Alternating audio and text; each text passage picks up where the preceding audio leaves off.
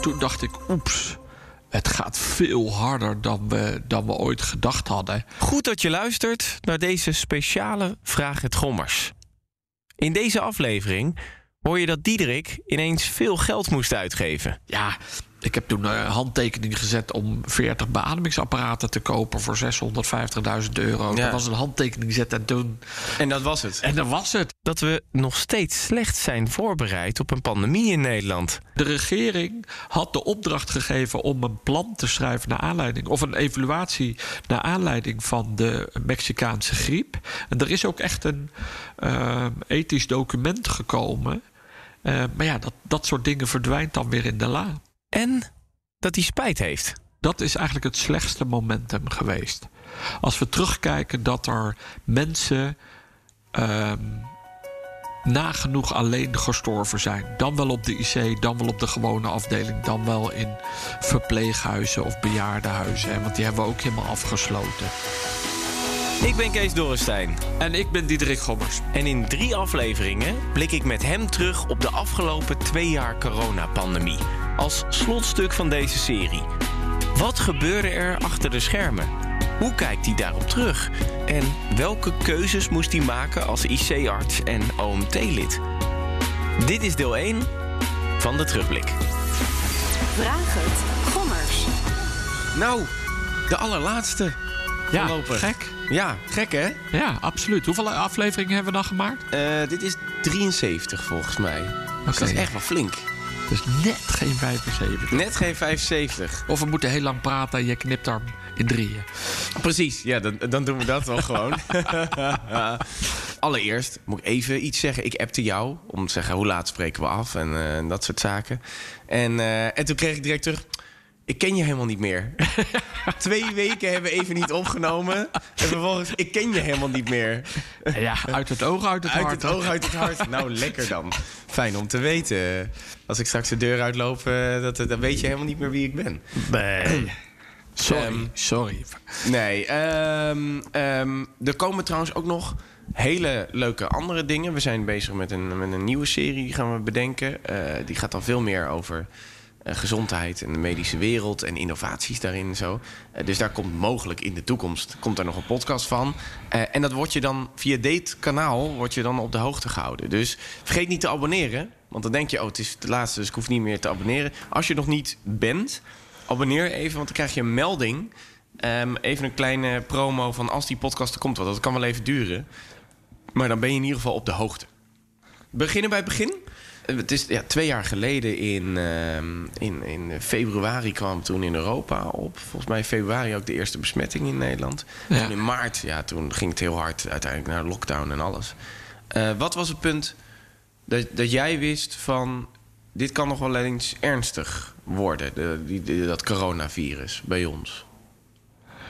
Nou, ik werd in de, het weekend van eh 8, 7, 8 maart gebeld door een collega. En die zei: In Italië gaat het helemaal los, bereid je voor. Ehm, maar eigenlijk toen twee weken later dat we zo hard stegen in het, eh, met COVID-patiënten op de intensive care, toen dacht ik: oeps. Het gaat veel harder dan we, dan we ooit gedacht hadden.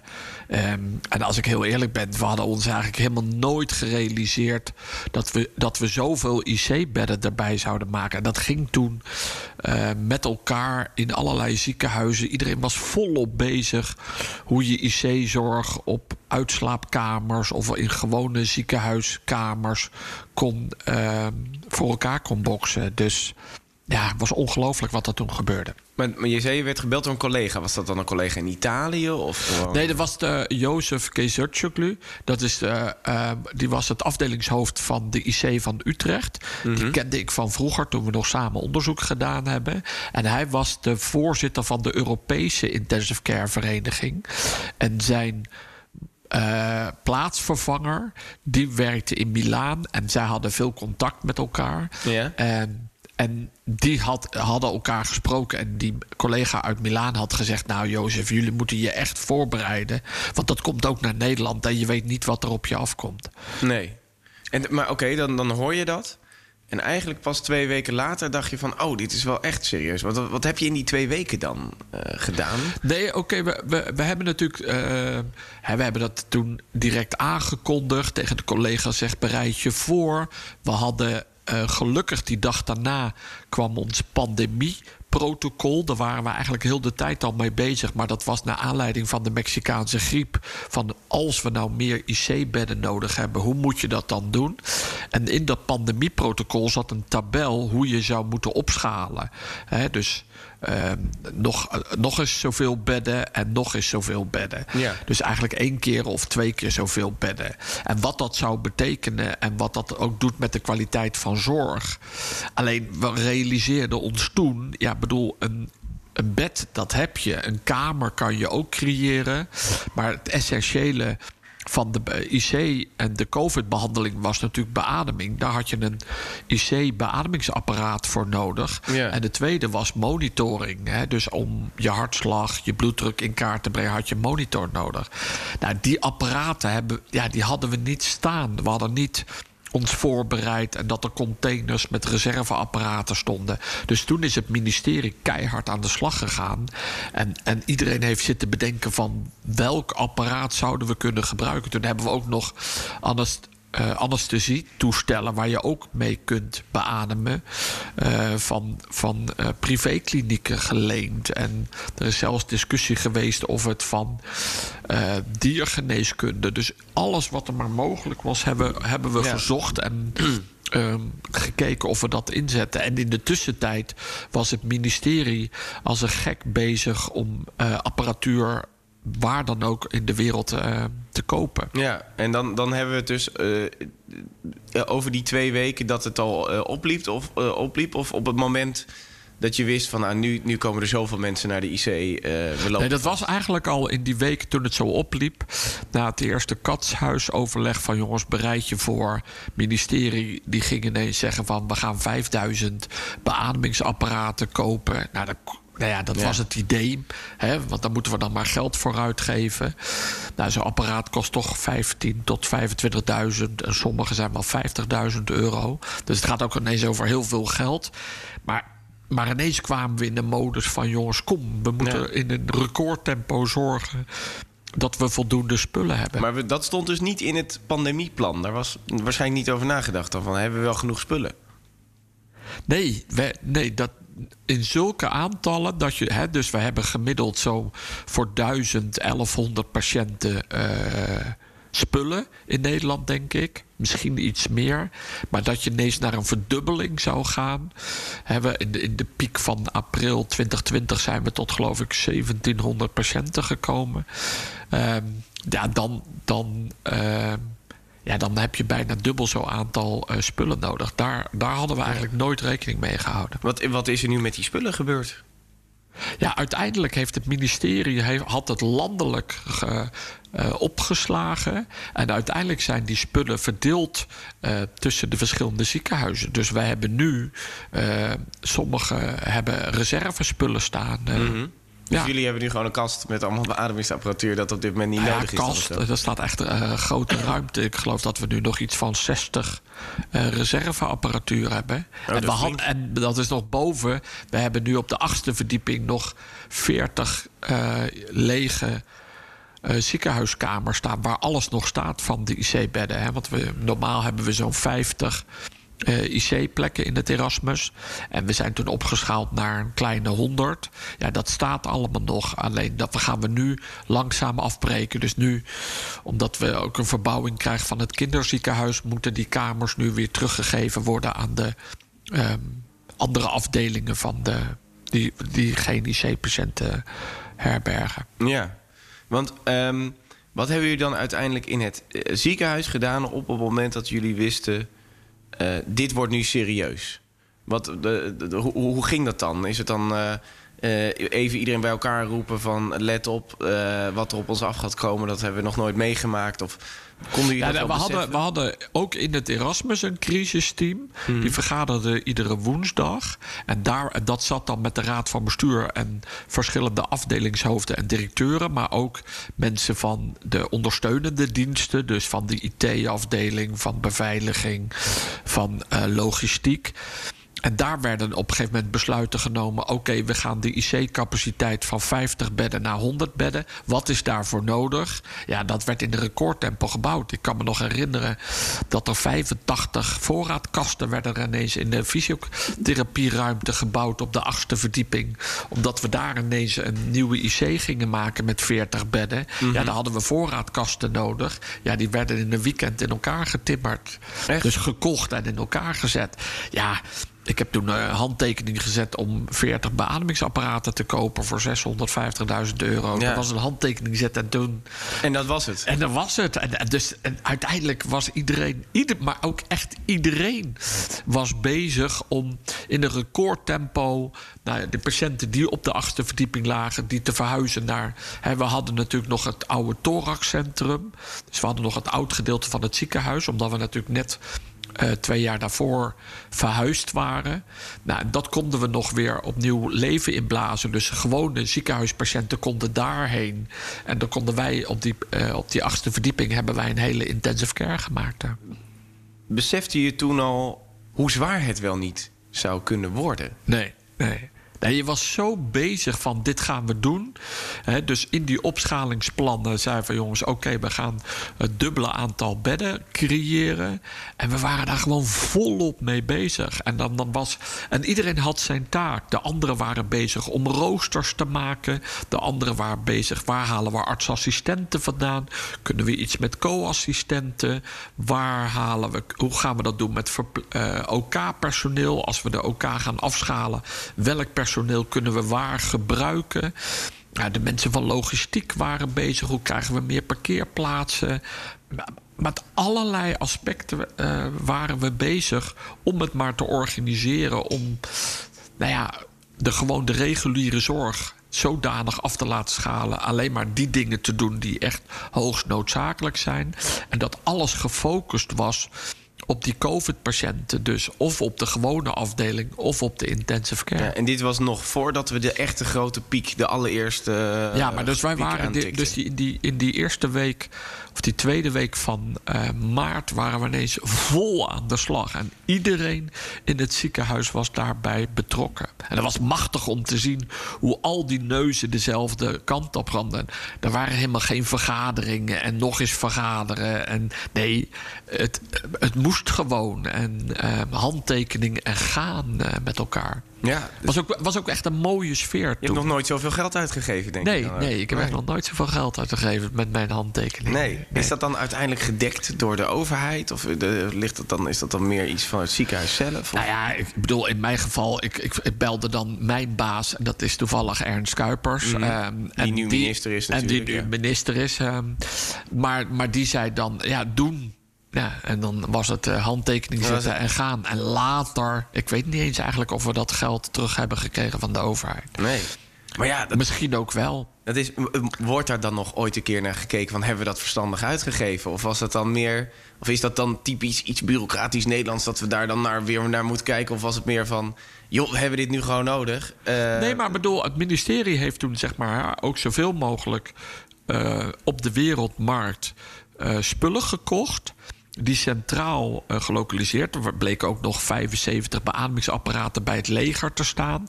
Eh, die, daar hebben wij een aantal van gekregen. Maar zij coördineerden dat centraal. Dus een ziekenhuis kon aangeven hoeveel spullen die nodig had. En dat probeerden ze dan te regelen. En toen de COVID in 2021, toen eigenlijk iedereen zijn spullen had. En, en hè, dat we de tweede en de derde golf, maar dat we niet meer zoveel nodig hadden. Toen hebben ze gekeken: oké, dit en dit hebben we nog over. Kunnen we dit gebruiken? Ehm, nou, er zijn beademingsapparaten nu voor het Centrum voor Thuisbeademing hebben wij. Nou, bepaalde apparaten die, die daar gekocht waren, die kunnen we nu gebruiken in, als we die apparaten moeten vervangen. Ja. Nou ja, dat soort dingen. Dus ehm, er is gekeken wat er nu centraal is. En, de, en die spullen zijn weer herverdeeld aan, nou ja, aan die mensen die dat zouden kunnen gebruiken. Ja, oké. dus dat is uiteindelijk weer... eh, er is een nieuwe herverdeling geweest weer over Nederland. Ja, toen van, iedereen ja. zeg maar na ah, ah, die eerste golf en die tweede golf al zijn spullen had, daarna is er geïnventariseerd: oké, dit, dit hebben we niet meer nodig. Nou, en ik weet niet precies, maar er zijn sommige dingen misschien wel naar ontwikkelingslanden gegaan.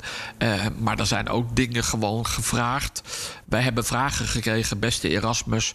eh, dit en dit hebben we nog staan. Eh, kunnen jullie daar wat mee? En kunnen we dat nog.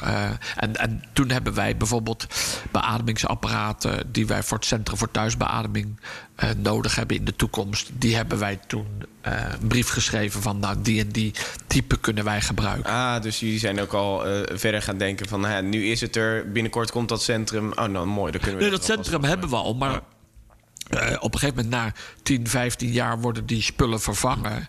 Eh, en en nou ja, dat zit er bij ons aan te komen binnen nu en een paar jaar. Dus dan hebben wij die apparaten eh, gevraagd of wij die dan mochten krijgen. ehm.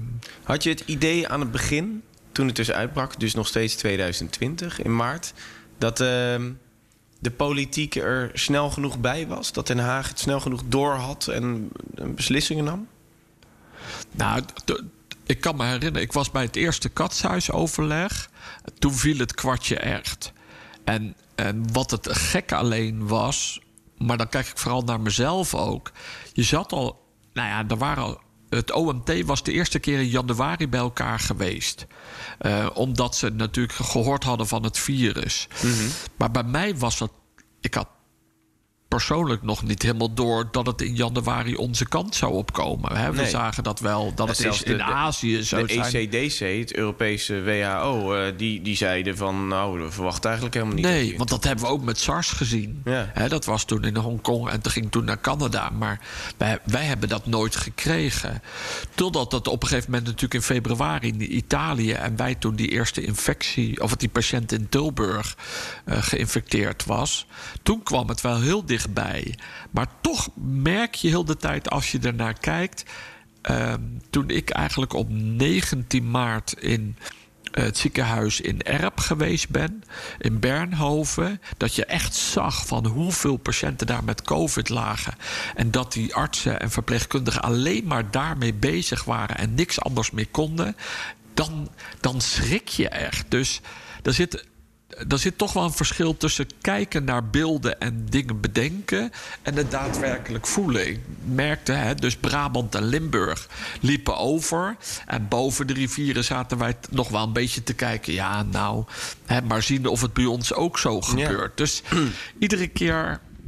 Is dat niet heel gek als het al in Brabant zo erg is... dat iedereen dan toch nog steeds erboven denkt... nou, het zal vast wel.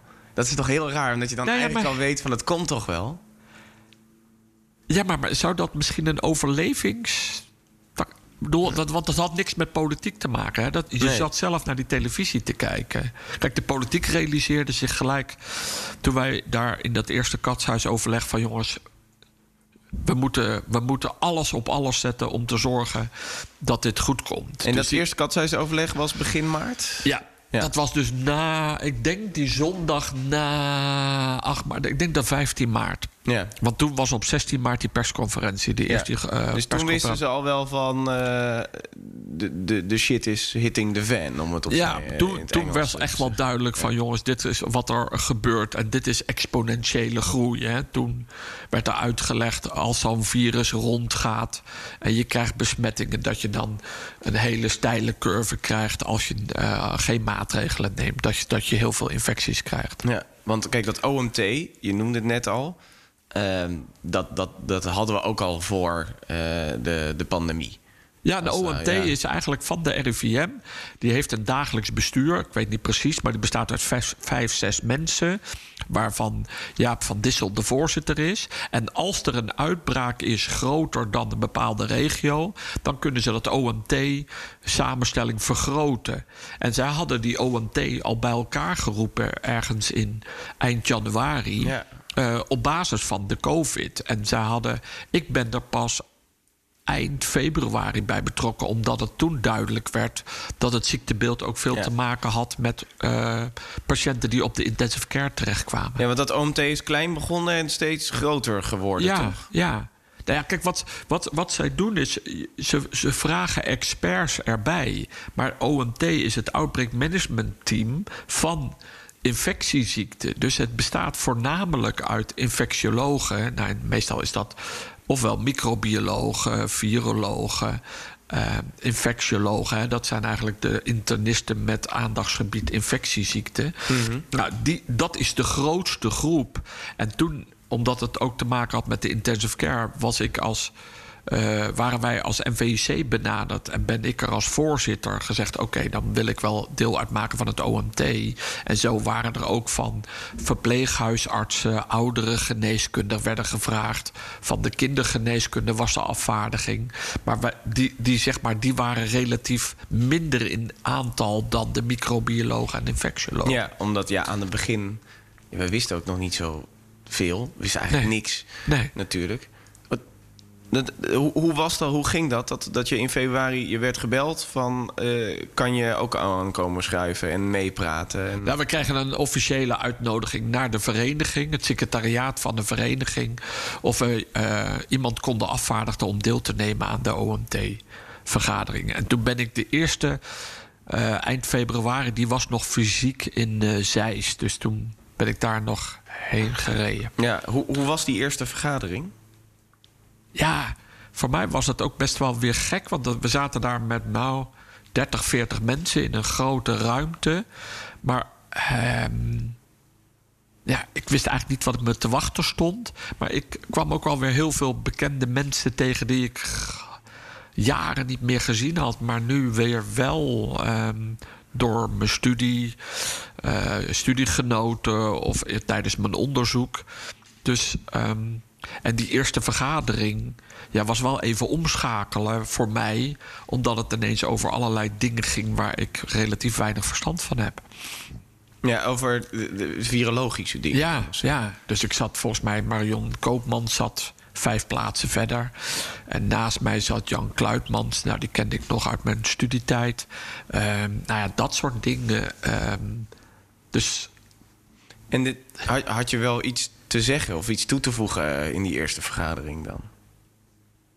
Nee, maar er was, er was wel een vraag van eh, hoeveel. eh, wat is eigenlijk de IC-capaciteit en waar moeten wij rekening mee houden? En, dus dat soort vragen werden er toen gesteld. Maar ja, ik had weinig inbreng op dat moment. Ja, en wist je op dat moment al wel dat de IC misschien wel helemaal kon overlopen? Of Nee, was het nog nee. allemaal gewoon nee, gissen? het was echt gissen nog. Wanneer kwam dan het punt dat je, en jullie ook in het ziekenhuis, op één punt dachten... eh, het gaat gewoon helemaal mis. Eh, het loopt over, we hebben te weinig eh, spullen. Nou ja, kijk, toen, toen die in maart, zeg maar, toen vanaf 15 maart dat eerste katshuisoverleg. En toen die week, die drie weken daarna. Toen zijn we eigenlijk van nou ja, enkele patiënten ineens naar, naar de piek gegaan. Hè. 9 april was de piek. Ehm, dus, dus je had echt een exponentiële groei. Ja, en je kon dus eigenlijk per dag uitrekenen wat er, wat er morgen en overmorgen zou liggen. En- en maar wat- dat ging zo hard. En dat hadden we nog nooit meegemaakt. Maar wat deed dat met jou en de mensen in het ziekenhuis? Want je rekent dat door. Je denkt, ja, wat er morgen op ons af gaat komen, dat kunnen we gewoon niet meer aan. Nee. Nee, kijk, ik had zoiets van luister eens. Toen, toen het gebeurde en uit, dacht ik van oké, nu kunnen wij laten zien. Hè, want eh, de intensive care is geen eigen specialisme. Wij zijn een moeder. Een, eigenlijk onder de moederspecialisme, dus onder de interne of de anesthesiologen. En, en ik dacht in het begin: oké, maar nu gaan wij een visitekaartje afgeven dat wij echte professionals zijn. Dat wij een zelfstandig specialisme zijn, dat je op ons kunt bouwen en ehm, dat wij problemen voor oplossen. Dus voor mij was er heel veel aangelegen van... kom, we gaan laten zien wat intensive care is. En daar kun je op rekenen. Die zetten de schouders op eronder... en helpen mee om gezamenlijk dat probleem op te lossen. En dus toen het zo gebeurde, dacht ik... oké jongens, gaan met elkaar. Dus we hadden veel webinars, veel communicatie met de collega's in het land. En jongens, bereid je voor, bereid uit, zoek naar mogelijkheden. Maar toen het op een gegeven moment eind maart maar bleef gaan en we geen. We hadden toen alweer maatregelen genomen en je zag het nog maar niet aftoppen. Nee. Toen dacht ik, jee, maar het zal toch niet, het zal toch niet gebeuren? Dus toen, eind maart, toen dacht ik echt, nee, dat, dat kan niet. Het kan niet zo zijn dat het ons niet lukt. Nee. En, dat, en, en toen heb ik wel slapeloze nachten gehad. En toen heb ik ook veel in die week veel overleg gehad met uh, Ronnie van Diemen. Die was toen hoofdinspecteur van de inspectie van gezondheidszorg. En gezegd tegen Ronnie: Oké, maar wat doen we nou als het niet lukt? Als we niet voldoende capaciteit. Dus toen zijn wij aan dat. Uh, uh, code zwart uh, gaan denken. Toen hebben we daar al heel veel gesprekken over gevoerd. Dus er werd al inderdaad in maart aan code zwart ja, gedacht. Ja, ja, omdat we daarop afstevenden. Dat hebben we niet aangetikt, toch? Nee, nee. Toen sloeg het dus een beetje om van een soort van de pure motivatie. We gaan even bewijzen dat we het kunnen naar misschien gaan we het niet kunnen doen. Nee, en daar, dus bij mij sloeg toen de twijfel toe. Ik, ik bedoel, ik was zo trots op hoe we met elkaar zo hard bezig waren om in zo'n korte tijd uh, capaciteit te organiseren. Dus bedden en iedereen was daarmee bezig. Ook hoe mooi te zien was hoe je hulp kreeg van andere specialismen. Ik weet nog dat we in het Erasmus dat de traumachirurgen die kwamen nadat zij visite hadden gelopen bij hun patiënt kwamen zo, zo de intensive care op van luisteren jongens zeg het maar wie moeten we draaien dus echt zo van we komen jullie helpen. En nou ja, stevige kerels. Um, en dus, we, dus we, je had echt een gevoel van... jongens, we gaan dit met elkaar gaan we dit gewoon doen. En we gaan, we gaan er gewoon... het gaat ons gewoon lukken. Mm -hmm. Maar ja, omdat het zo bleef toenemen... ja, op een gegeven moment dacht je ook van... ja, jongens, er komt wel ergens een grens. En ik kan me nog herinneren dat ik in die technische briefing... Um, gezegd heb van jongens, luister eens even, op een gegeven moment houdt het op. He, we kregen op een gegeven moment discussie in de Nederlandse Vereniging voor Intensive Care. Oké, maar wanneer blijf je nog bedden bijmaken en wanneer kan je eigenlijk niks meer? Want je kan wel een bed neerzetten en een monitor aansluiten, maar je hebt geen gekwalificeerd personeel meer om dan voor die patiënt te zorgen. Dus heeft het dan nog zin om een patiënt in bed te leggen terwijl je eigenlijk geen gekwalificeerd personeel hebt? En daar kregen we discussie over. En toen dacht ik, jee, maar jongens, maar dat kan niet. Dat kan niet. En ik, ik weet dat ik daar echt zenuwachtig van werd. En toen Maar- dacht ik, ja, maar ze hebben wel een punt. Je moet op een gegeven moment zeggen, Maar jongens... dit is een discussie over leven of dood. Ja. Gewoon mensen op één punt, we kunnen je niet meer opvangen. Ja. Jij gaat dood. Want als je niet Ja. kan ademen, dan ga je dood. Ja. Dat is een soort van regel nummer één. Eh, maar ja, je kan niet ademen door COVID. Dus wij hebben toen op een gegeven moment echt als vereniging door overleg met elkaar gezegd: oké, maar dit, dan stopt het. Er zit dus een grens aan. En ik weet nog dat de politiek vond dat heel moeilijk. De minister, en dat is natuurlijk ook logisch, die zei: ja, maar. Dan halen we nog wel. Hè, die, Ja. die dacht in geld en dat je alles kon kopen. Maar we kwamen er dus met elkaar tot ons besef dat je ook in Nederland ergens een grens aankomt. Ja, want op zich, het, het geld klotste tegen de plint eh, toe. Ja. Dat was voor alles mogelijk. Maar je hebt Ja. gewoon het personeel niet. En als je Nee. dat niet hebt... Ja, En, dat, en dat was. En dat realiseerde je zo eind maart eh, rond 1 april. En dat was geen grap. Hoe, hoe lastig was dat voor jou en eh, jouw collega's? Want je gaat niet voor niks de medische wereld in. Je wordt niet voor niks arts of chirurg, omdat je mensen wil helpen. Maar je besluit dan eigenlijk op één punt... we stoppen met mensen te helpen als we dat punt bereiken. Ja. Dus we hadden die grens neergelegd, geloof ik, bij 2400 bedden. Dat dat echt de grens was. En je merkte in die overleggen met het ministerie... en dus ook in die technische briefing... dat ik toen zei... ehm, ja, als het dus 2401 komt... dan hebben we voor die eh, 2401 patiënt geen IC-bed. Ja, wat gebeurt er dan? Ik zei, ja, dan komt hij te overlijden. En toen viel er... Dat was de laatste vraag in de technische briefing. Ehm, hoe heet die ook alweer van de Partij van de Arbeid? Eh, Oeh, de- welke? De minister? Of, eh, nee, de, de. Hoe heette hij? Die, die Ah, dan hebben we het over Asscher voor? Ploemen, voor, ja, Asscher. Asscher, ja. Ja. Asscher stelde die vraag. En dat was de laatste vraag. En toen zei ik, ja, dan stopt het. Dan komt diegene te overlijden. En toen was het afgelopen. En toen viel er zo'n ijzige stilte. Ah, dat, was, dat ging echt door merg en been bij iedereen. Toen besefte iedereen die in die zaal zat daarvan... jemig, eh, er, zit een grens aan. Ja. En om dan weer terug te gaan naar het ziekenhuis. Er liggen, op dat moment ligt het in maart hartstikke vol. We zitten dan ook al in een eh, lockdown. Of er werd toen de tijd een intelligente lockdown genoemd. Ik weet ook niet per se wat er nou intelligent aan was. Maar ehm, op het moment dat, eh, eh, dat jullie bezig waren met het verplegen van die patiënten... dat lijkt me dan ook wel heel lastig. Omdat je eigenlijk helemaal niks weet over die ziekte. Ja, je weet mensen die moeten aan de beademing. Dat is het. Wisten jullie genoeg? Nee, ja, kijk, we, we, kenden het ziektebeeld. Hè? Dus een ernstige eh, longontsteking. En als je dan eh, patiënten die dan daar nog ernstiger ziek worden en op de intensive care, dan noemen we dat het ARDS-syndroom. Dus Acute Respiratory Distress Syndrome. En dan heb je hoge beademingsdrukken. En eh, wisten we dat je ze op de buik moest beademen. Dus dat, dus IC-technisch. ehm, dat konden we. Dat, dat is ons vak. Ja. Wat, wat ik later gehoord heb. Nou wat, nou, wat eigenlijk al in die weken wel speelde, is dat we ons gewoon zorgen maakten of we zelf ziek zouden worden. Hè, dus je moest je helemaal omkleden als je met die patiënt in Ja. contact kwam. Echt die witte pakken. hè? Maar we hadden natuurlijk van onze Italiaanse collega's gehoord dat sommige, als je geen bril op had, geen spatbril.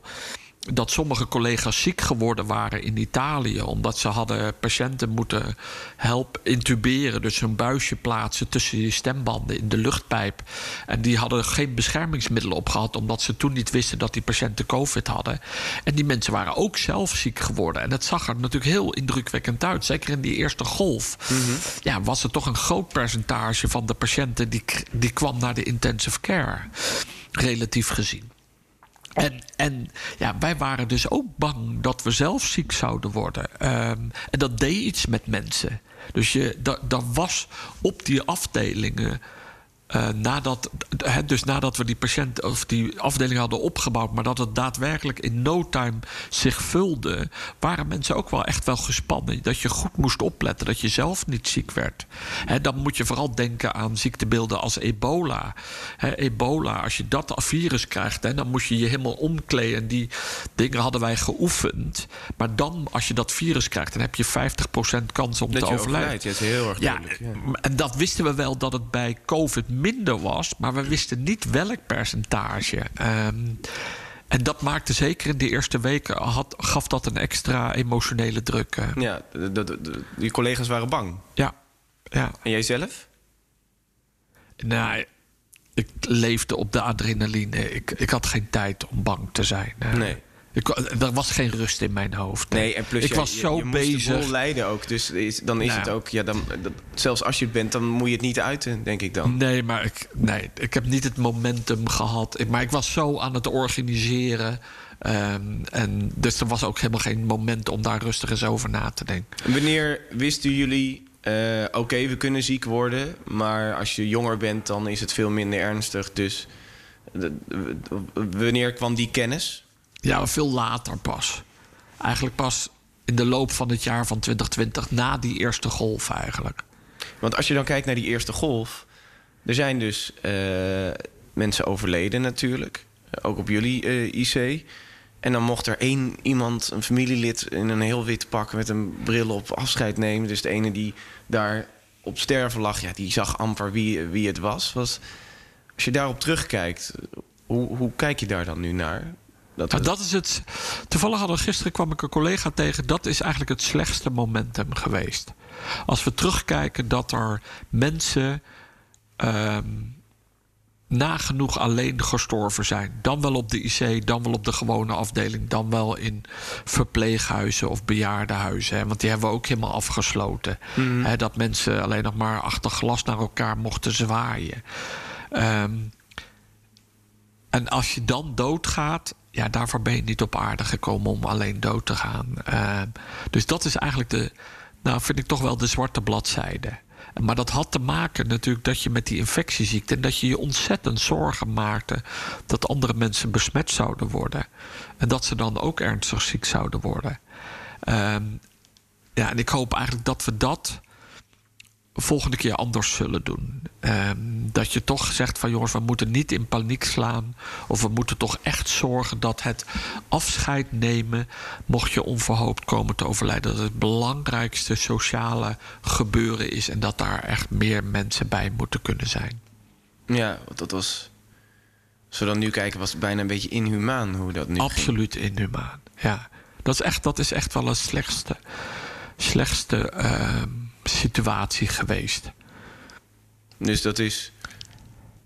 Uh, dus dan hadden we toch, ondanks dat er toen de tijd dat we niet zoveel wisten, meer risico moeten nemen, zodat familieleden in ieder geval. Ja, goed. Degene, ik, kijk, wat je dan merkt is dat de infectiologen in je ziekenhuis, daar waren, die maakten met elkaar richtlijnen. Um, en die richtlijnen waar heb je in je ziekenhuis, die had je ook als de medische specialisten, de beroepsvereniging, uh, de, de federatie had een richtlijn gemaakt en de OMT had daar ook nog naar gekeken. Um, maar je was zo bezig met het indammen van dat virus dat er zo min mogelijk mensen zouden overlijden.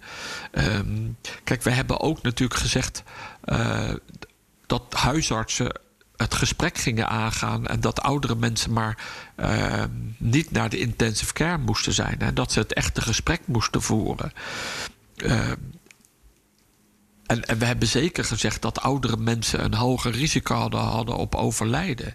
Maar het was niet dat elke oudere 100% overleed. Dus ja, je hebt keuzes gemaakt met elkaar. En dat was de keuze van... jongens, laten we alsjeblieft zorgen... dat er zo min mogelijk mensen contact hebben met covid-patiënten... zeker uh, in het ziekenhuis. Uh, ja, en daardoor hebben we dit soort afspraken met ja, elkaar gemaakt. Te strenge richtlijnen eigenlijk. Eigenlijk op dat moment te streng. Maar ik denk dat dat kwam uh, door angst... maar eigenlijk door onwetendheid op dat moment...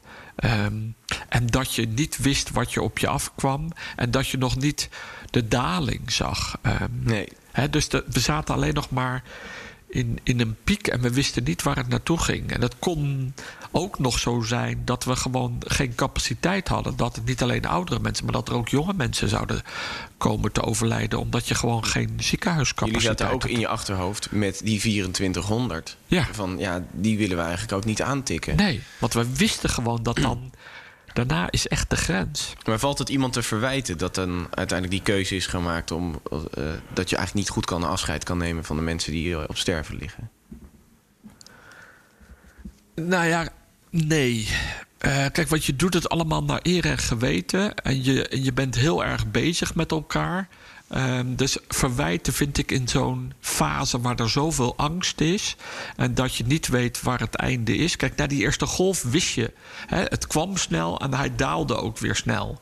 En daarna had je een evaluatiemoment met elkaar. Toen merkte je ook dat het virus toch minder dodelijk was. Zeker voor ziekenhuismedewerkers. Aan de andere kant zijn er nu ook ziekenhuismedewerkers die long COVID hebben gehad. En die nu nog steeds niet kunnen werken. En ik begreep uit het uh, nieuws dat er sommigen zijn ontslagen. Omdat ze hun functie niet meer hebben kunnen, terug kunnen uh, doen. Ja, dat is, ja, dat is toch vreselijk, snap je? Dus het is niet... Um, nou ja, het heeft nogal veel consequenties gehad. Moet er wat gebeuren voor die ziekenhuismedewerkers? Ja, ik vind eigenlijk van wel. Ik vind eigenlijk dat je mensen die ongelooflijk hun best hebben gedaan... Uh, en daardoor Um, maar je weet nooit waar ze ziek geworden zijn. Maar eigenlijk vind ik dat oninteressant. Ik zou zeggen, jongens, we moeten daar toch een potje voor maken uh, met elkaar. Uh, dat die mensen uh, gewoon hun salaris kunnen behouden. Ja, totdat ze weer genezen zijn. Maar long covid, net zoals Pfizer, dat kan je soms echt jaren hebben. Ja, ja. Natuurlijk. Of in ieder geval, ja, we weten niet hoe lang. Want het virus is er pas twee jaar. Dus er zullen mensen zijn die het nu al twee jaar hebben. Nee, met die long covid hebben we gezegd... Hè, de, de, de meeste mensen Die, dan hebben ze na vier en vijf weken nog klachten, maar daarna neemt het snel af. Maar er zijn dus echt mensen die nu al meer dan een jaar ernstige klachten hebben. Zo ernstig dat ze niet meer aan het werk kunnen. Dus met vermoeidheid, spierpijnen, maar vooral ook geheugen- en concentratieverlies. Gewoon dat ze gewoon hun werk niet meer kunnen doen. Ja, dat is vreselijk. Wat, wat weten we inmiddels van long covid? Bijzonder weinig eigenlijk nog. En we weten dat het te maken heeft met het virus. We denken, als je kijkt naar de symptomen, dat het toch het lijkt op een hyperinflammatoire beeld. Hè? Dus een, eigenlijk een, nou ja, het lichaam is nog steeds in een hoge afweer of een hoge infectie. Uh, het lijkt een beetje op auto-immuunziekte, maar het lijkt een beetje op van alles. En het zijn algemene symptomen. En die is ook heel wisselend uh, per persoon. De ene staat de vermoeidheidsklachten meer op de, op de voorgrond en de andere meer de, de psychische klachten. En, en we kunnen ook niet een bloedafname doen. Of we, hebben, we weten niet wat er precies speelt. Om te zeggen: oké, maar dan is dit de behandeling.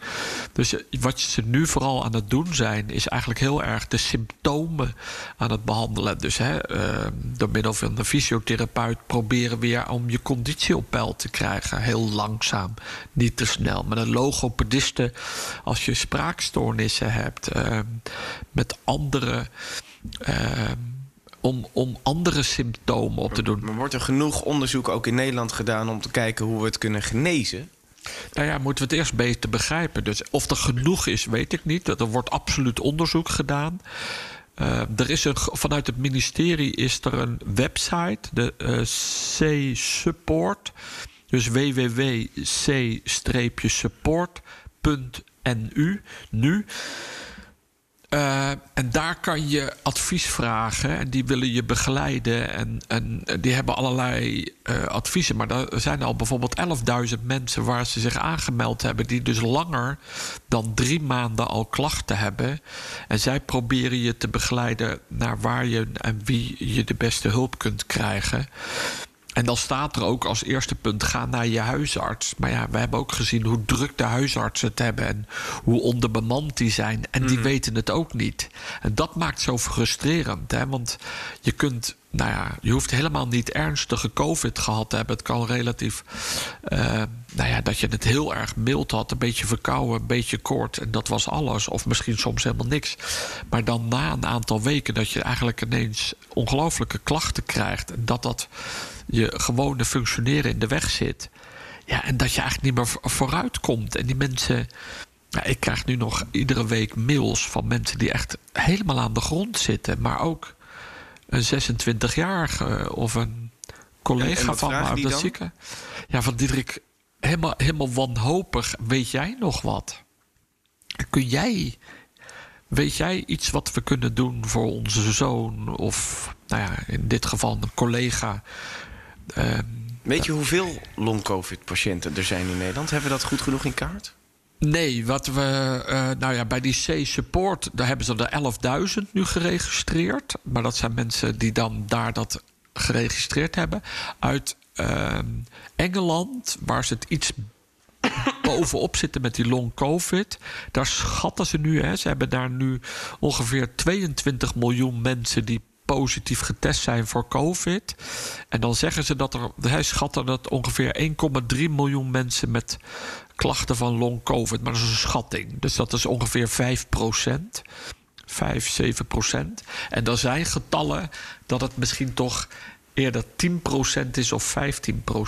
Nou, als je weet van Nederland. 15% van alle mensen die COVID hebben gehad. Oké. En, en, dan is het in meer of mindere mate natuurlijk. Ja, ja. ja. Nou ja, als je dan kijkt bij ons, we hebben 8 miljoen mensen die uh, COVID hebben gehad. Ja, als je daar uh, ehm, 10% van neemt, ja, dat is een kleine 800.000. Ja, dat zou gigantisch zijn. Laten we hopen, uh, als dat de helft is, is het nog 400.000 mensen. Uh, maar dat is echt wel een probleem. is dat een stille ramp die we duidelijk genoeg in beeld hebben in Nederland? Voor die mensen is het vreselijk. Je bent echt gehandicapt. Je kunt niet terug. Je wordt wanhopig eigenlijk ook. Ja, maar, maar, heeft, heeft de overheid eh, duidelijk genoeg Een soort van dat op de radar van. Want nu is het allemaal. hey, Yes, COVID is voorbij. We werken aan een lange termijn plan voor de zorg. Maar is er genoeg aandacht voor die groep? Nou, kijk, die, eh, dus eh, die C-support website, die hebben heel duidelijk eh, mensen en die helpen je bij. Dus dat, dat doet, en dat is vanuit het ministerie opgezet.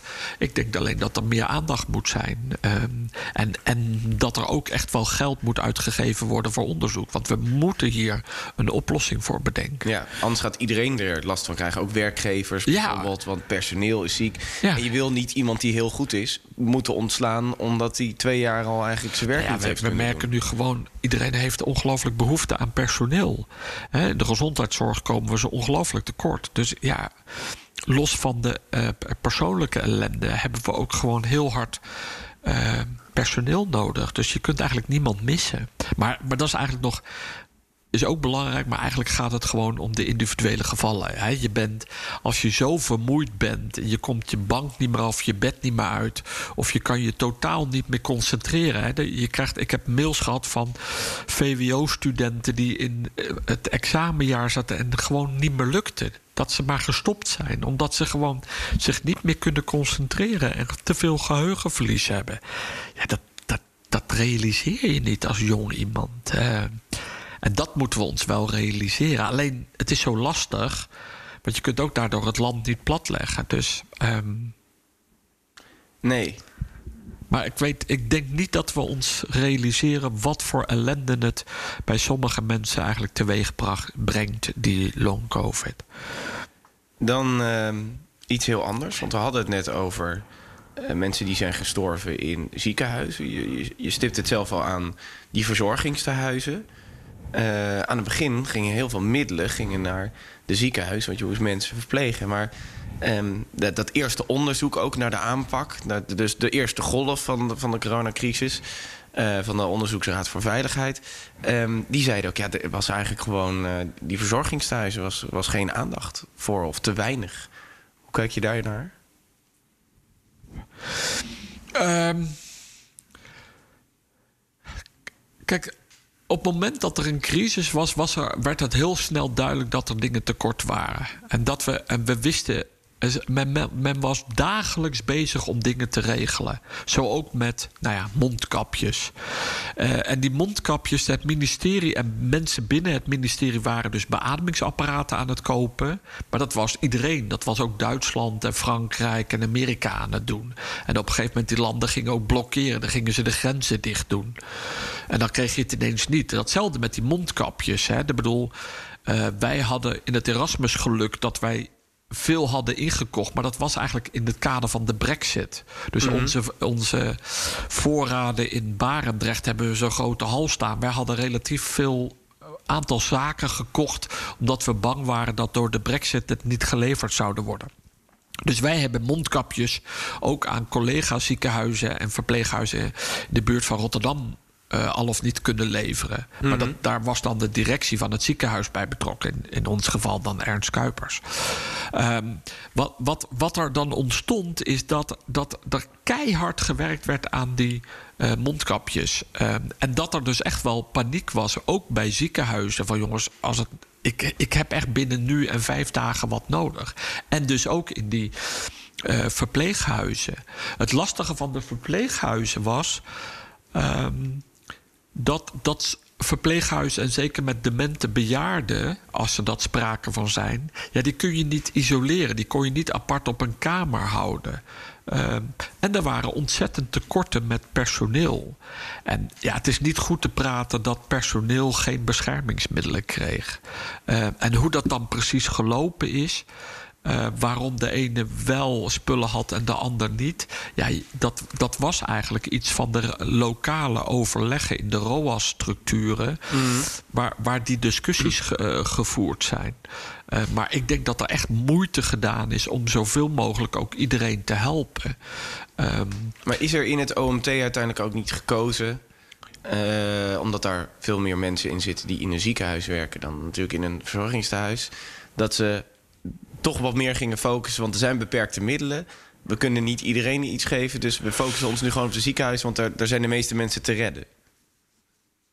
Nee, maar het, het, gaat niet over. Kijk, het OMT ging niet over de verdeling van uh, spullen die, waar tekort aan waren. Hè, dus, Mhm. dus, dus daar gingen wij niet over. Daar gaat het kabinet dan over. ja, daar ging het kabinet over. Maar eigenlijk gingen lokaal de ROAS'en daarover. En wat is een ROAS dan? De regionaal overleg acute zorg. Ah, ja. En daar, dat had je zeg maar, hè, we hebben 11 traumacentrum, 11 ro- ROAS-regio's. En daar was die LMNZ, was daar bestuur daarboven. En zij hadden overleg. Maar je had ook nog zoiets als de Veiligheidsraad.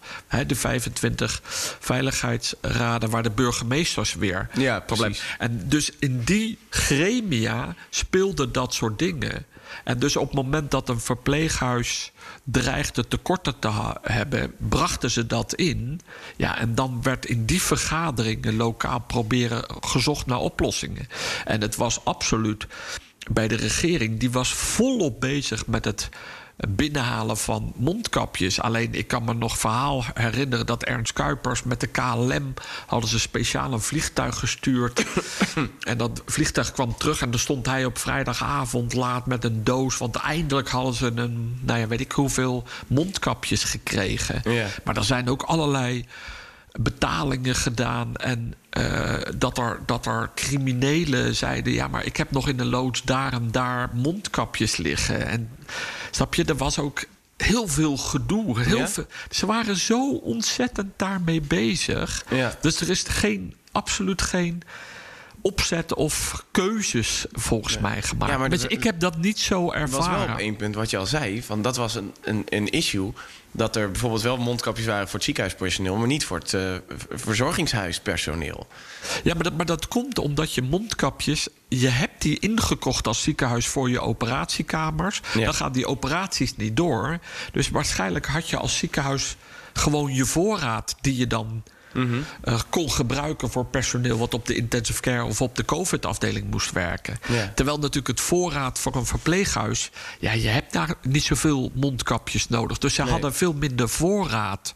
Uiteindelijk dat de regering daar volop mee bezig was... ja, dat was overduidelijk. Alleen, ja, ze hebben allerlei overal over de wereld gezocht naar mondkapjes. En er Ja. zijn allerlei deals geweest. En sommige deals zijn ook mislukt. En ik kan me ook nog herinneren dat de ME daarbij betrokken was... om, de ME? ja, om, om mondkapjes te beschermen als ze uiteindelijk geleverd waren. Er was echt een ding. Ja, zodat het niet gestolen werd. Ja, dan. ja, Nee, want dat is, vandaar dat je ook zei dat er ook wel eens geld naar criminelen is overgemaakt die dan niet hebben geleverd. ja. Die dan zeiden: Ik heb wel wat. Ja. Hebben jullie dat als ziekenhuis gedaan of ging dat dan meer? Nee, maar ik ben daar helemaal niet bij betrokken geweest. Dus, eh. Nee, nee maar, maar dan denk ik wel. want, kijk, de, want in het OMT was er, er zaten er meerdere mensen vanuit de verpleeghuizen en vanuit de, de geriatrie Ja. en de ouderengeneeskunde. Maar hebben die op één punt wel gezegd: jongens, het gaat helemaal mis. Het- Ja. het- Ze vallen bij bosjes. Ja. Sommige verpleeghuizen zijn gewoon de helft van mensen gestorven. Ja, de ouderen of de, de werknemers? Nee, de, de ouderen dan, de, de bewoners. Ja, maar dat is natuurlijk. ehm, dat waren natuurlijk ook eh, keuzes die we. Die had niks met de mondkapjes te maken. Mhm. waren ook keuzes die we hadden natuurlijk... of we ouderen wel of niet zouden opnemen om te gaan behandelen. Ja. En de, de meeste ouderen in, in, in Nederland wonen natuurlijk in verpleeghuizen. Ja. En, en we hadden natuurlijk tegen die huisartsen gezegd... ja, moet je een, een 80-plusser nog opnemen... als die ernstig ziek wordt op de intensive care? En dat was toch wel een beetje de afspraak. Eigenlijk weet je de Nederlandse methode in vergelijking. Daarom ging die in Italië mis. Daar nemen ze altijd gewoon in, Daar nemen ze iedereen op. En wij Ja. hadden natuurlijk om, in het kader van de tekorten aan IC-bedden... heel duidelijk gezegd dat we eh, niet iedere 80-plusser meer zouden opnemen. Nee. Is het door die keuze ook dat de IC's uiteindelijk niet zijn overstroomd Ja, in de eerste golf? Dat is echt dankzij eh, de, de inzet van de huisartsen gebeurd. Van die af en toe gingen praten van... Ja, die als? eh, achter van jongens, luister eens even, deze patiënt. ge- Gezien eh, de hele situatie stuur ik die niet in naar de, naar de ziekenhuis. Nee. Dat heeft echt, denk ik. eh, nou ja, ik, ik, weet niet de absolute getallen, maar Nee. ik zou me kunnen voorstellen dat dat, dat onze Ja, als redding je, is als je kijkt geweest. hoeveel mensen er in verzorgingstehuizen gestorven zijn... dat staat wel in dat rapport. Het, nou, het gaat om zoveel duizend mensen zijn dat. Dus dat is wel, als die allemaal naar de IC waren gekomen... dan Ja. hadden ze dat niet aangegeven. Ja, nu, nu zijn er ongeveer 22.000 mensen gestorven. eh, over de hele COVID. Maar na de eerste golf zou dat natuurlijk ook een paar. Ja, ik bedoel, Ja. wij, we zijn nu aan. Hè, de piek lag 1700, nog wat patiënten. En en ja. wat ik zei, we, we hadden nog plek gehad misschien voor 700. Maar dat was echt. in- en dat was COVID en niet En COVID. in de eerste golf zijn ook gewoon, eh, ik denk percentueel gezien, de meeste, de meeste mensen gestorven. Want toen hadden we nog geen vaccins en, en dat soort Nee, zaken. nee. Dus je had gewoon geen bescherming. Dus, Nee. dus de, de- en toen de tijd. En de, de meeste van die 22.000, dat zijn ook ouderen volgens mij, toch? Dus dan heb je het over 70, 80-plussers. Ja, ja, ja. Het is eh, ehm, ook, ook, ook lastig wat dat betreft. Dan Heb je die, die huisartsen nog gesproken? Want dat- die hadden dan wel een hele zware taak om telkens weer tegen de familie te zeggen, tegen misschien de persoon in kwestie, als die nog bij bewustzijn was, van die is niet meer te redden. Uw vader, uw moeder, eh, uw oom, eh, tante. Ja, maar, maar het was sowieso gek. Hè? Maar je moet je ook voorstellen, je, we, we vergeten dat ook weer heel snel. Maar er was ook echt angst in Nederland. Iedereen zat ook echt angstig te kijken wat er op ons afkwam. Want we hebben toen in die eerste golf ook veel minder mensen op de eerste hulp gehad met een hartinfarct of een hersenbloeding. Ze durfde gewoon niet naar buiten. Nee. Dus dat, dat heeft dan ook weer. Dat door ook- die angst heeft ook doden gekost. Ja, dus, je, dus, dus ehm, het was echt heel gek dat we in die eerste golf zo weinig mensen op de eerste hulp aangeboden kregen. Dus mensen wilden, durfden ook gewoon niet. Dus er zijn ook mensen doodgegaan die anders misschien wel naar een ziekenhuis zouden waren gekomen. En dat wil niet zeggen dat ze het allemaal overleefd hebben, zeker niet. Ehm, maar er was dus in die eerste golf echt angst. En er was beeld? echt een situatie dat, dat er, ja, dat er, nou, er was ook een ramp gaande, maar dat het dus ook logisch was dat die huisartsen het gesprek aangingen ehm, en wel overwogen met elkaar gezegd hebben: dit doen we niet. Maar het kan ook besluit van mensen zelf geweest zijn. Ik bel de huisarts niet eens. ehm. Nee. Dus heb je een beeld van hoeveel van die randsterfte er is geweest daardoor? Nee, niet? nee, nee. Kunnen we dat, zouden we dat ooit Nee, kunnen dat, krijgen? ja, dan, dat moet je dan echt op, op statistiek doen. Ja. Hè, dat je dan zegt van luister eens, we al die jaren hè, voor 2020 hadden we gemiddeld in de winter zoveel sterfte en dan daarna zoveel. En dat je dan een schatting kan maken. Want we hebben dat denk ik niet precies geregistreerd. Want toen testen we ook veel minder. Hè, zeker in die eerste golven. Ja, dat is. eh, dit is dat- als je dan kijkt naar het begin. eh, hadden we meer moeten testen? Hadden we eerder aan de mondkapjes moeten gaan? Want die discussie hebben we natuurlijk ook nog gehad. Dus zijn we, zijn we als Nederland een beetje te laat ge- geweest met zaken eh, in vergelijking met andere landen? Ik weet niet of het in vergelijking met andere landen is, maar, maar ja, ik bedoel. ehm, het, het barstte los hè, toen in, in februari eh, op die carnaval. Toen hadden we één, twee casussen. Eh, eigenlijk moet je dan al realiseren dat het dan al helemaal losgaat in Brabant. Ik denk dat omdat we er nooit mee te maken hebben, dat je het gewoon niet realiseert. Snap je, we hadden dit nog nooit meegemaakt in Nederland. En dan kan je achteraf zeggen, ja, maar je had dit of je had Ja. dat. Ja, dat, dat kan. Maar als we zulke slimme Nederlanders hebben gehad, dan had er echt wel iemand zijn hele pakhuis vol met mondkapjes liggen. Ja, en testen. En, En dat daar testen. heb je En noem, voor nodig snap je? Want die kon je allemaal kopen. En, en natuurlijk kunnen we dan zeggen, ja, de politiek is fout. Dan denk ik, ja, maar we hebben 18 miljoen slimme mensen in Nederland. Eh er had dan eentje tussen de, die dan miljoenen mondkapjes in zijn loods had gelegen. En die had dan superrijk geweest. En dat Ja. is ook niet gebeurd. Dus Nou ja, Siewert van Linden, maar dat geld wordt nu weer een beetje teruggevorderd. ja, maar die heeft ze ook maar gekocht. eh, Ja, die heeft eh, ook gewoon maar eh, inderdaad. dus dus ehm, tuurlijk eh, moet je je voorbereiden. En we hebben ons op allerlei rampen voorbereid. Maar niet eigenlijk op zo'n eh, ziekte, zoals een Nee. besmettelijke ziekte. Ja, en dat doen we hopelijk voor de volgende keer anders. Ja. En wat we ook geleerd hebben, is dat je dan. Die machines, dat je dit soort spullen niet allemaal moet wachten Nee. in andere landen te gaan bestellen. hè. Want d- want dat hebben we ons nooit gerealiseerd. Is, maar als het zo'n wereldwijd probleem is, gaan die grenzen gewoon dicht. Dus wij Mhm. dachten, we, we hebben geld en we kopen alles. Ik noem het altijd de, de bol.com gedachte. Mhm. Vandaag verzin ik iets, ik bestel het en morgen heb ik het in huis. Maar mijn, mijn moeder had vroeger allerlei voorraden liggen in huis. We hadden een hele voorraadkast. eh, was soms ook lekker, want dan kon je allerlei snoep pakken. Maar we hadden altijd voorraden. Je kon ook altijd blijven Ja. eten, want er was altijd... Dus de, het kabinet het is- had in ieder geval dat is een goede les voor de toekomst dat je die voorraden standaard moet hebben. Ja, je moet gewoon voorraden, maar dat kost geld. Eh. Ja. hè, want dat, op een gegeven moment, als je niet gebruikt, moet je het ook weggooien.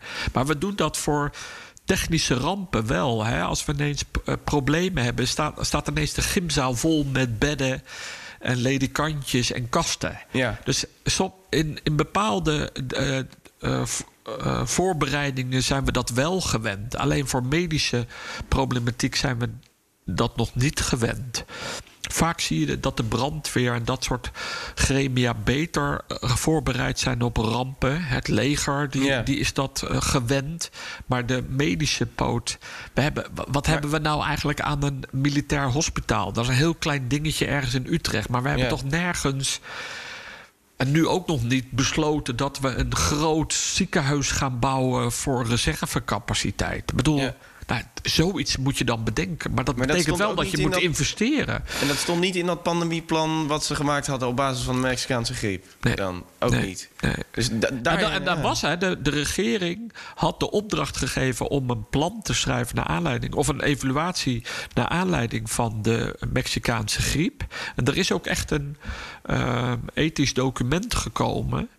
Eh, maar ja, dat, dat soort dingen verdwijnt dan weer in de la. Ja. Maar er is geen, ik heb niet gelezen dat er een plan van aanpak is over capaciteit. Maar, maar van die 18 miljoen slimme Nederlanders waar je het dan over hebt, er zou toch wel één iemand inderdaad, zeker die bezig is met dat plan, eh, zich gerealiseerd moeten hebben. hey, als dit uitbreekt, wij hebben helemaal geen voorraden. Dat, dus, die, dan, dus niemand had gedacht van we moeten even standaard iets, iets aanmaken. Nou, blijkbaar. Want we hadden het niet. Nee. Dus eigenlijk wat die hele discussie, ah, wat sneller moeten testen en eh, eh, meer middelen moeten hebben. eh, ja, dat is, dat, ja, dat is allemaal een beetje achteraf gezien, aangezien. Ja, we hadden het gewoon niet. Dus dan kan je het niet sneller doen. Dan Nee. kan je niet meer uitgebreid gaan testen. Als je die capaciteit gewoon niet hebt. Nee, we hadden kan het niet. We hadden geen mondkapjes. Er is over nagedacht om. Kijk, die mondkapjes waren de voorraden van de ziekenhuizen zelf. Ja, dat je ze dan niet weggeeft omdat je ze zelf nodig hebt, lijkt me ook logisch. Eh, Niks. eh, eh, en, want, en de verpleeghuizen hadden geen voorraden, want die, die hebben geen operatiekamers of kapjes in de andere. Dus die, hun voorraden waren maar heel beperkt. Alleen je kan natuurlijk wel zeggen, als er de volgende keer iets gebeurt, moet je in, in die ROAS overleggen dat toch. Eh, duidelijker met elkaar eh, verdelen of bespreken of eh, dingen. Maar ga niet. Ik vind het te makkelijk om te zeggen: ja, maar de regering had dit beter moeten voorbereiden. Ja, dat kan. Maar niemand had het voorbereid. In de volgende aflevering van de Terugblik kijkt Diederik terug op de rol van het OMT. Maar als ik zei van jongens, het moet echt dicht of we moesten zwaardere maatregelen. En dat dan drie dagen later het kabinet besluit tot zwaardere maatregelen. Ja. ja, dat voelt heel onwezenlijk. Had zijn mediabekendheid ook zo zijn gevolgen? Want er, er was op een gegeven moment echt een strijd gaande tussen op één en eh, noem het maar even Jinek, hè, Jinek Ja. en Bo. Als ik bij de ene twee keer was geweest, was de ander boos. En is hij anders gaan kijken naar Hugo de Jonge? Voordat hij naar huis ging, is hij eh, langsgekomen en hebben we anderhalf uur op mijn kamer zitten praten. Gewoon praten, En, ja. ja, en daar hebben we gewoon uitleg aan elkaar gegeven. En dan merk Ja. je hoe lastig het is voor een niet-dokter om bepaalde dingen te begrijpen. En ik begrijp hem dan ook beter. Vergeet niet te abonneren, want dan krijg je direct een melding als de volgende aflevering online komt. Of als we een nieuwe podcastserie starten. Tot de volgende.